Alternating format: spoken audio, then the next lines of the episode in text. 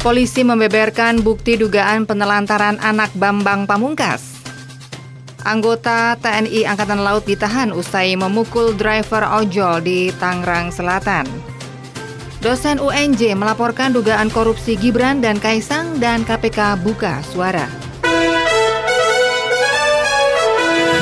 Dari kawasan Jalan Jagalan 36 Yogyakarta, segera Anda ikuti Detak deretan Warta Aktual Reco Buntung 99,4 FM. Selamat petang pemirsa, itulah tadi beberapa informasi yang dapat Anda ikuti dalam program Detak Deretan Warta Aktual Reco Buntung edisi hari ini Selasa 11 Januari 2022. Saya Asik Eka Dewi, segera kita menuju informasi pertama.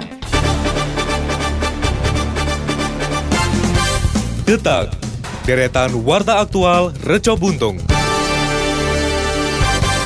Dari CNN Indonesia, polisi masih terus menyelidiki kasus dugaan penelantaran anak dengan terlapor mantan striker timnas Indonesia Bambang Pamungkas alias BP. Kabit Humas Polda Metro Jaya Kombes Ezulpan mengatakan dalam laporan ini penyidik turut mendalami bukti berupa putusan pengadilan agama. Putusan pengadilan agama keluar setelah mantan istri BP Amalia Fujiawati mengajukan gugatan ke Pengadilan Agama kelas 1A Jakarta Selatan pada tanggal 18 Maret 2021 terkait status dan hak anak. Saat ini putusan pengadilan agama sudah menyatakan bahwa anak tersebut merupakan anak Bambang Pamungkas. Disampaikan Zulpan, putusan pengadilan itu menjadi salah satu bukti bahwa anak tersebut merupakan buah hati Bambang Pamungkas dengan Amalia Fujiawati. Sebagai tindak lanjut atas penanganan laporan ini, penyidik di Treskrimum Polda Metro Jaya telah menjadwalkan pemeriksaan terhadap Bambang Pamungkas pada pekan ini. Namun belum diketahui secara pasti kapan pemeriksaan akan dilakukan.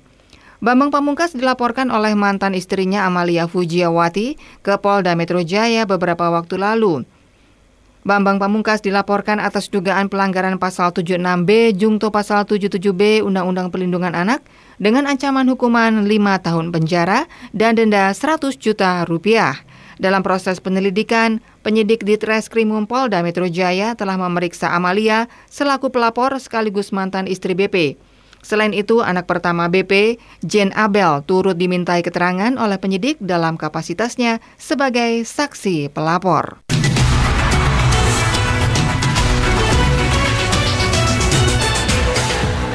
Pemirsa anak Presiden Jokowi Gibran Rakabuming Raka dan Kaisang Pangarep dilaporkan ke Komisi Pemberantasan Korupsi KPK atas kasus dugaan korupsi dan tindak pidana pencucian uang.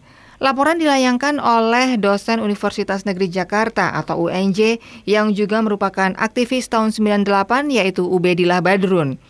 KPK mengaku telah menerima laporan dan akan mempelajarinya. Laporan terkait dengan dugaan tindak pidana korupsi dan atau TPPU berkaitan dengan dugaan KKN atau korupsi, kolusi, dan nepotisme, relasi bisnis anak presiden dengan grup bisnis yang diduga terlibat pembakaran hutan. Demikian Ubedillah di Gedung Merah Putih KPK Jakarta Senin kemarin. Ubedillah menuturkan duduk perkara kasus tersebut berawal pada tahun 2015. Saat itu manajemen PT BMH menjadi tersangka pembakaran hutan. PT BMH menurutnya merupakan milik grup bisnis PT SM. Ia menjelaskan penanganan pidana perusahaan pembakar hutan tersebut tidak jalan. Oleh karena itu dikatakan Ubedillah Kementerian Lingkungan Hidup dan Kehutanan menggugat melalui jalur perdata dengan menuntut ganti kerugian sebesar 7,9 triliun rupiah. Namun dalam perkembangannya, Mahkamah Agung hanya mengabulkan ganti kerugian sebesar 78,5 miliar rupiah. Adapun respon KPK mengaku telah menerima laporan dugaan korupsi tersebut. Mereka berjanji akan mempelajarinya dengan melakukan verifikasi dan penelaahan terlebih dahulu. Sementara respon Gibran yang saat ini menjabat wali kota Solo mengaku tidak mempermasalahkan laporan tersebut. Ia menyatakan siap memberikan keterangan apabila dipanggil oleh KPK. Putra sulung Presiden Jokowi ini mengaku tidak tahu menau duduk kasus yang diperkarakan. Sejak mencalonkan diri sebagai wali kota Solo tahun 2019 lalu, Gibran melimpahkan urusan bisnis kepada adiknya Kaisang Pangarep. Ia pun siap menjalani proses jika KPK hendak mengusut kasus tersebut. Sementara itu, hingga berita ini ditulis, cnnindonesia.com belum mendapatkan pernyataan dari Kaisang terkait pelaporan di KPK tersebut. Direct message melalui akun media sosialnya hari Selasa pagi juga belum direspon. Pemirsa, kita hentikan sejenak detak reca buntung untuk kita ikuti kumandang adzan maghrib untuk daerah istimewa Yogyakarta dan sekitarnya.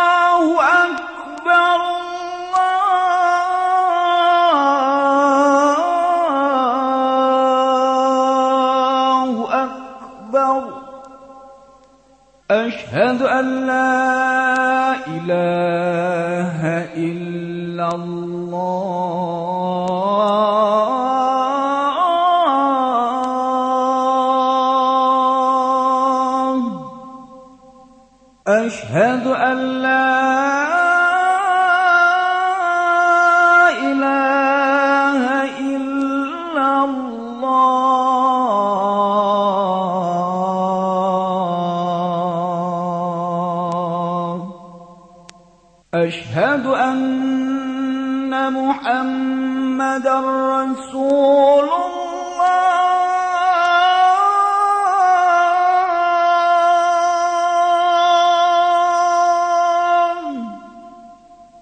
أشهد أن محمدا رسول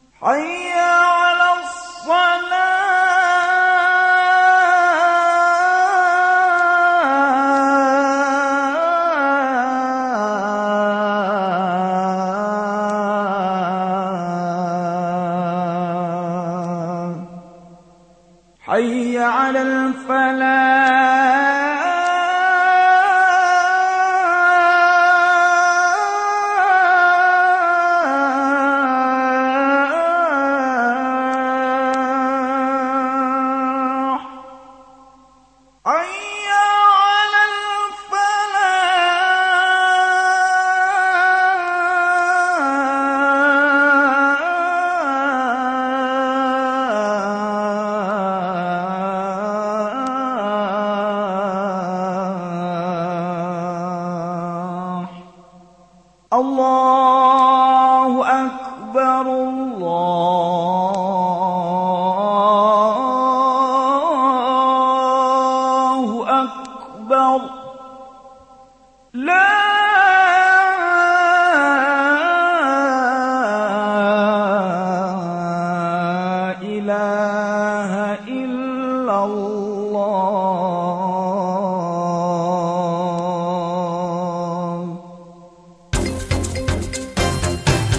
Pemirsa, kembali Anda ikuti Detak, deretan Warta Aktual Reca Buntung. Pemirsa polisi militer TNI Angkatan Laut menahan anggota yang diduga memukul pengemudi ojek online atau ojol di Tangerang Selatan. Penahanan dilakukan untuk pemeriksaan lebih lanjut. Demikian Kepala Dinas Penerangan TNI Angkatan Laut Laksmana Julius Wijoyono saat dikonfirmasi hari Selasa 11 Januari. Julius tidak menjelaskan sejak kapan anggota itu ditahan. Ia pun belum dapat menjelaskan lebih rinci mengenai kronologi pemukulan yang dilakukan oleh anggota itu. Polsek Pamulang, Tangerang Selatan sebelumnya digeruduk oleh masa driver ojol pada hari Minggu 9 Januari malam. Peristiwa itu terekam dalam sebuah video yang beredar di media sosial, salah satunya diunggah di akun Instagram @seputar Tangsel. Kapolsek Pamulang Kompol Sujarwo mengatakan bahwa peristiwa bermula dari kesalahpahaman, lalu terjadi pemukulan oleh anggota TNI AL terhadap ojek online. Saat peristiwa itu dikatakan Sujarwo, warga sempat melerai dan kemudian dibawa ke polsek untuk diselesaikan. Saat itulah diketahui bahwa ada seorang anggota TNI Angkatan Laut yang terlibat. Detak, deretan warta aktual Reco Buntung.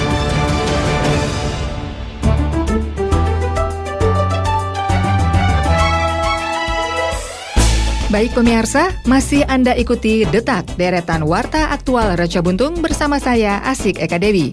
Segera akan hadir rekan-rekan reporter yang akan menyampaikan beberapa berita daerah di segmen Jogja Selintas. Baik, terima kasih rekan Asik Eka Dewi. Pemirsa Jogja Selintas, kami awali dari Sleman. Informasi kali ini dikutip dari Tribun Jogja.com. Dinas Lingkungan Hidup atau DLH Kabupaten Sleman mulai gencar melakukan pemangkasan pohon perindang yang rimbun di tepi jalan. Hal ini guna mengantisipasi kejadian pohon tumbang akibat hujan dan angin kencang. Kepala Dinas Lingkungan Hidup Kabupaten Sleman, Epipana Kristiani, mengatakan pemangkasan pohon perindang rutin dilakukan jajarannya untuk mengantisipasi terjadinya pohon tumbang. Namun demikian, pemangkasan pohon tidak bisa dilakukan sembarangan, harus melalui evaluasi dan juga kajian. Ia menceritakan jawatannya rutin melakukan pemantauan dengan cara berkeliling di sepanjang ruas jalan. Apabila menemukan pohon yang rimbun, apalagi kondisinya miring dan membahayakan, maka akan segera dipangkas. Selain monitor, menurutnya Dinas Lingkungan Hidup juga sering mendapat laporan dari masyarakat mengenai keberadaan pohon yang dinilai membahayakan. Ia juga mengatakan bahwa kajian sangat penting agar ketersediaan oksigen tetap terjaga seiring meningkatnya kendaraan dan populasi manusia. Kita beralih ke Kulon Progo. Pemirsa, kasus pasien terkonfirmasi positif COVID-19 di Kulon Progo dilaporkan mengalami kenaikan beberapa hari terakhir ini. Dengan adanya kenaikan kasus tersebut, Satgas COVID-19 setempat berharap tidak disebabkan varian baru Omikron melainkan dampak libur Natal 2021 dan Tahun Baru 2022 atau Nataru. Ketua Gugus Tugas Penanganan COVID-19 Kabupaten Kulon Progo, Fajar Gegana, mencatat jumlah pasien terkonfirmasi COVID-19 pada Kamis 6 Januari 2022 terdapat satu kasus. Kemudian meningkat pada Jumat 7 Januari yang tercatat adanya 6 kasus. Selanjutnya pada hari Sabtu 9 Januari terdapat 8 kasus. Kenaikan kasus tersebut dari hasil screening di rumah sakit dan tracing keluarganya yang positif COVID-19. Satgas COVID-19 saat ini sedang berupaya menelusuri sumber penularan. Dari pengambilan sampel secara acak oleh Dinas Kesehatan DIY di lima kabupaten atau kota, belum ada indikasi adanya varian Omikron di Kulon Progo. Menurutnya, kenaikan kasus di Kulon Progo disebabkan penerapan protokol kesehatan dirasa mulai kendor, sehingga prokes harus lebih diperketat lagi. Demikian pemirsa informasi dari Sleman dan Kulon Progo. Saya Meida Mara dan kita beralih ke informasi dari Kota Yogyakarta bersama rekan dari Pradita. Silakan dari. Baik, terima kasih Meida Mara. Pendengar Pemda DIY harus tuntaskan penanganan kejahatan anak dan remaja usia sekolah. Hal ini seperti disampaikan Ketua Komisi ADPRD DIY Eko Suwanto dalam press release-nya. Pihaknya menyatakan aksi kekerasan sekaligus kejahatan yang dilakukan oknum anak dan remaja di DIY harus ditangani secara serius oleh pemerintah daerah. Apalagi sudah banyak korban luka hingga meninggal akibat perilaku jahat yang dilakukan oleh pelaku usia anak dan remaja. Eko Swanto juga menegaskan ke depan peristiwa kekerasan jalanan tidak boleh terulang kembali. Lebih lanjut pihaknya juga menegaskan bahwa salah satu penyebabnya di antaranya adalah kemiskinan. Untuk itu Pemda DIY diminta untuk segera menyelesaikan masalah kemiskinan. Begitu pula edukasi bagi orang tua dan anak-anak agar mengerti budi pekerti dan tidak lagi terlibat kejahatan. Selanjutnya, Eko Swanto juga menegaskan rekomendasi Komisi A DPRD DIY di antaranya adalah segera dilaksanakannya Perda Ketertiban Umum DIY. Pihaknya juga mengajak para guru dan tokoh masyarakat untuk bersama mengedukasi publik, terutama pada anak dan remaja di usia sekolah, agar taat hukum. Selanjutnya, Komisi A DPRD DIY akan mendukung penegakan hukum bagi para pelaku. Selanjutnya, Ketua Komisi A DPR RI dari fraksi PDI Perjuangan ini juga menyatakan bahwa Undang-Undang Keistimewaan juga mengamanatkan untuk mewujudkan ketentraman. Oleh karena itu, dalam menyelesaikan masalah kejahatan jalanan ini, Pemda DIY bisa mengalokasikan dana keistimewaan untuk pencegahan, khususnya edukasi dan mendukung penegakan hukum. Pendengar dalam rangka membantu pencegahan merebaknya virus COVID-19, Is Hardware melalui Iris Ohayama dan Kawan Lama Foundation memberikan donasi berupa masker sebanyak 10.000 lebih masker kepada Pemkot Yogyakarta.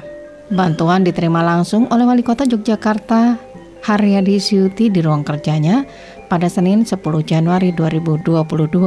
Pada kesempatan tersebut, Wali Kota Yogyakarta Haryadi Suyuti menyatakan apresiasinya terhadap bantuan masker yang diberikan.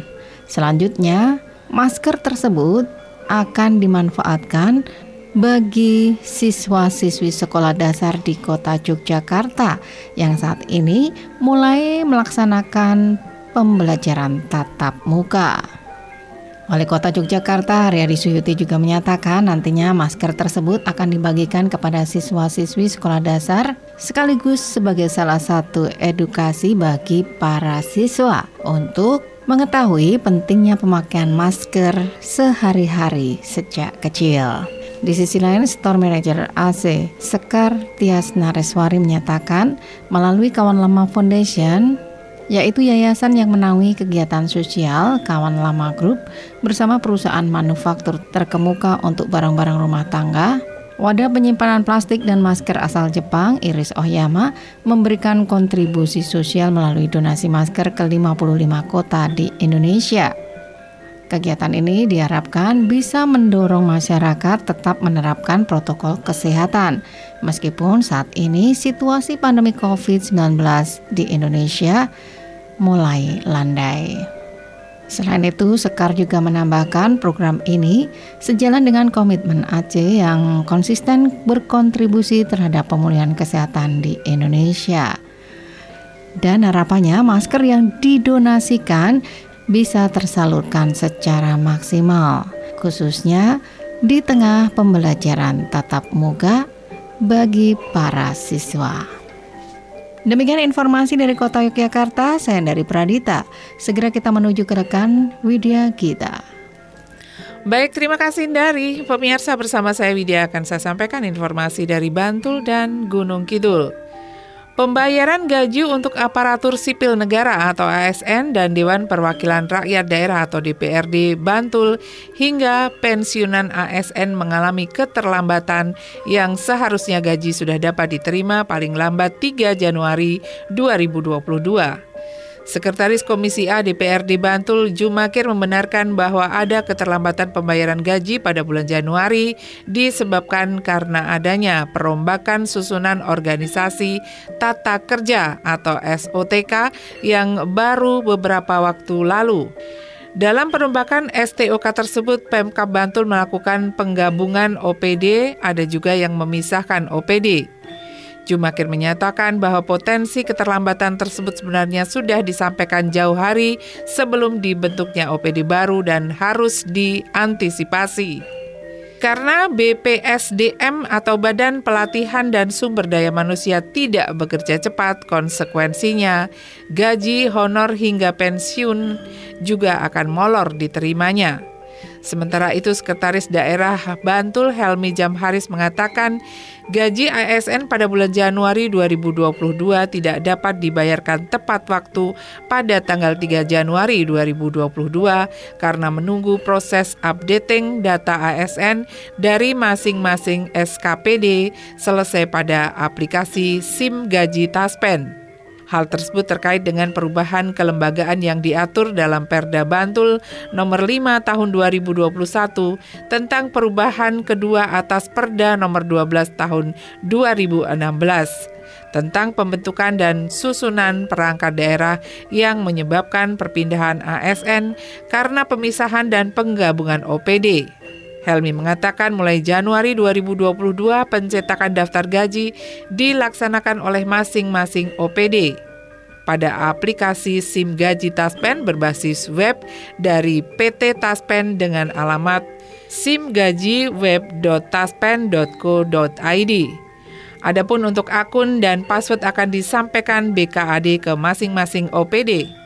Proses pencairan gaji dilaksanakan setelah surat penyedia dana atau SPD triwulan 1 diterbitkan dan SKPD sudah melakukan entry data pejabat keuangan dan nomor rekening pada aplikasi Sepakat atau Simral.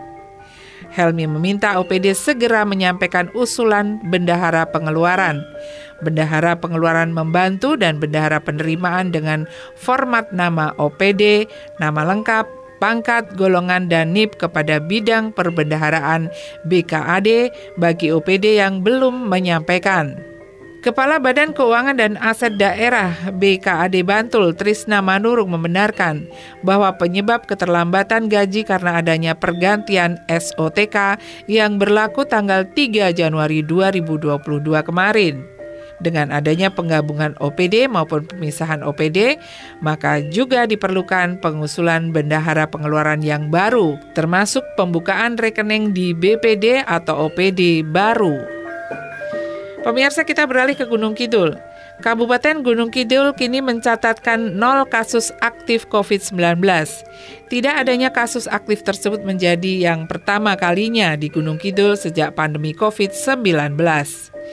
Kepala Dinas Kesehatan Gunung Kidul Dewi Irawati menyampaikan bahwa satu-satunya kasus aktif yang tersisa kini sudah dinyatakan sembuh. Dengan kondisi tersebut, Gunung Kidul mampu mencatatkan nol kasus aktif dan tidak ada kasus konfirmasi positif baru. Dewi tetap berharap masyarakat tetap waspada dan tidak lengah, sebab potensi penularan COVID-19 masih bisa terjadi. Masyarakat Gunung Kidul diharapkan tetap mengedepankan protokol kesehatan, dipastikan layanan kesehatan untuk penanganan COVID-19 tetap siaga. 3T testing, tracing, treatment tidak kendor, tetap dilakukan secara sampling ataupun acak di mana sebelumnya tercatat sebanyak 16.965 kasus sudah dinyatakan sembuh dan 1.033 kasus lainnya dinyatakan meninggal dunia. Nah pemirsa demikian tadi informasi dari Bantul dan Gunung Kidul sumber berita Tribun Jogja.com. Selanjutnya kita kembali ke rekan asik Eka Dewi untuk menyampaikan informasi yang terakhir. Terima kasih untuk rekan-rekan reporter yang sudah mengabarkan informasi di segmen Jogja Selintas. Dan pemirsa, sekarang kita sampai ke informasi yang terakhir. Detak, deretan warta aktual Reco Buntung. Pemirsa vaksinasi untuk usia anak 6 hingga 11 tahun masih bergulir. SD di kota Jogja belum diizinkan PTM 100 persen. Tribun Jogja melaporkan pemerintah kota Yogyakarta mengaku tidak akan tergesa-gesa menerapkan pembelajaran tatap muka atau PTM secara penuh, khususnya untuk jenjang sekolah dasar. Pasalnya proses vaksinasi COVID-19 bagi anak usia 6 hingga 11 tahun di kota Yogyakarta belum selesai atau masih bergulir. Wakil Wali Kota Yogyakarta Heru Purwadi menandaskan pihaknya baru meningkatkan kapasitas PTM di jenjang SD saat seluruh siswa-siswi telah tervaksin. Ia pun berharap para murid maupun orang tua ataupun wali memahami kebijakan tersebut demi kebaikan semua pihak. Hanya saja ia menjelaskan pihaknya pun sangat berhati-hati serta tidak langsung menerapkan PTM secara penuh tanpa semacam simulasi terlebih dahulu. Karena itu dikatakan Heru peningkatan kapasitas PTM di jenjang SD bakal dilaksanakan dari 50% dan naik bertahap. Sementara untuk jenjang SMP, Heru menandaskan kini sudah bergulir PTM dengan kapasitas 75 persen. Ia mengatakan sebelumnya kapasitas maksimal yang ditetapkan oleh Pemkot Yogyakarta adalah 25 persen. Pelaksanaannya akan dilihat terlebih dahulu dan akan dievaluasi setelah dua pekan, sehingga tidak langsung PTM 100% karena sekolah juga harus menambah beberapa fasilitas untuk mendukung prokes. Status terkait risiko COVID-19 Pemerintah Republik Indonesia menetapkan empat status orang terkait risiko virus corona atau COVID-19. Yang pertama, orang dalam pemantauan atau ODP, kemudian pasien dalam pengawasan atau PDP, suspek, dan yang keempat adalah confirm positif COVID-19.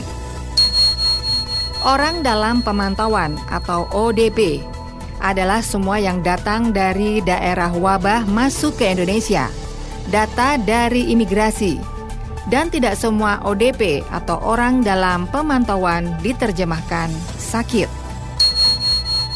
Pasien dalam pengawasan atau PDP, yaitu ODP atau orang dalam pemantauan yang mengalami keluhan gejala influenza sedang lalu menjalani perawatan. Demi meningkatkan kewaspadaan, PDP atau pasien dalam pengawasan juga diperiksa intensif. Status yang ketiga, suspek, yaitu PDP atau pasien dalam pengawasan yang telah diyakini memiliki riwayat kontak dengan orang positif COVID-19. Hasilnya setelah observasi ada dua, yaitu negatif atau positif. Status yang keempat adalah confirm positive COVID-19, yaitu suspek yang telah dinyatakan terinfeksi virus corona atau COVID-19.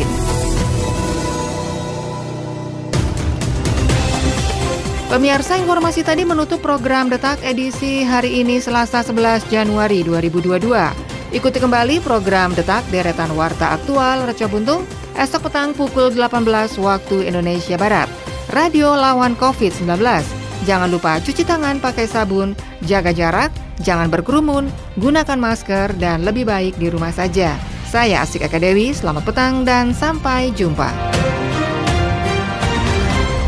Pemirsa, telah Anda ikuti Detak, Deretan Warta Aktual, Produksi, Tercobuntung 99,4 FM.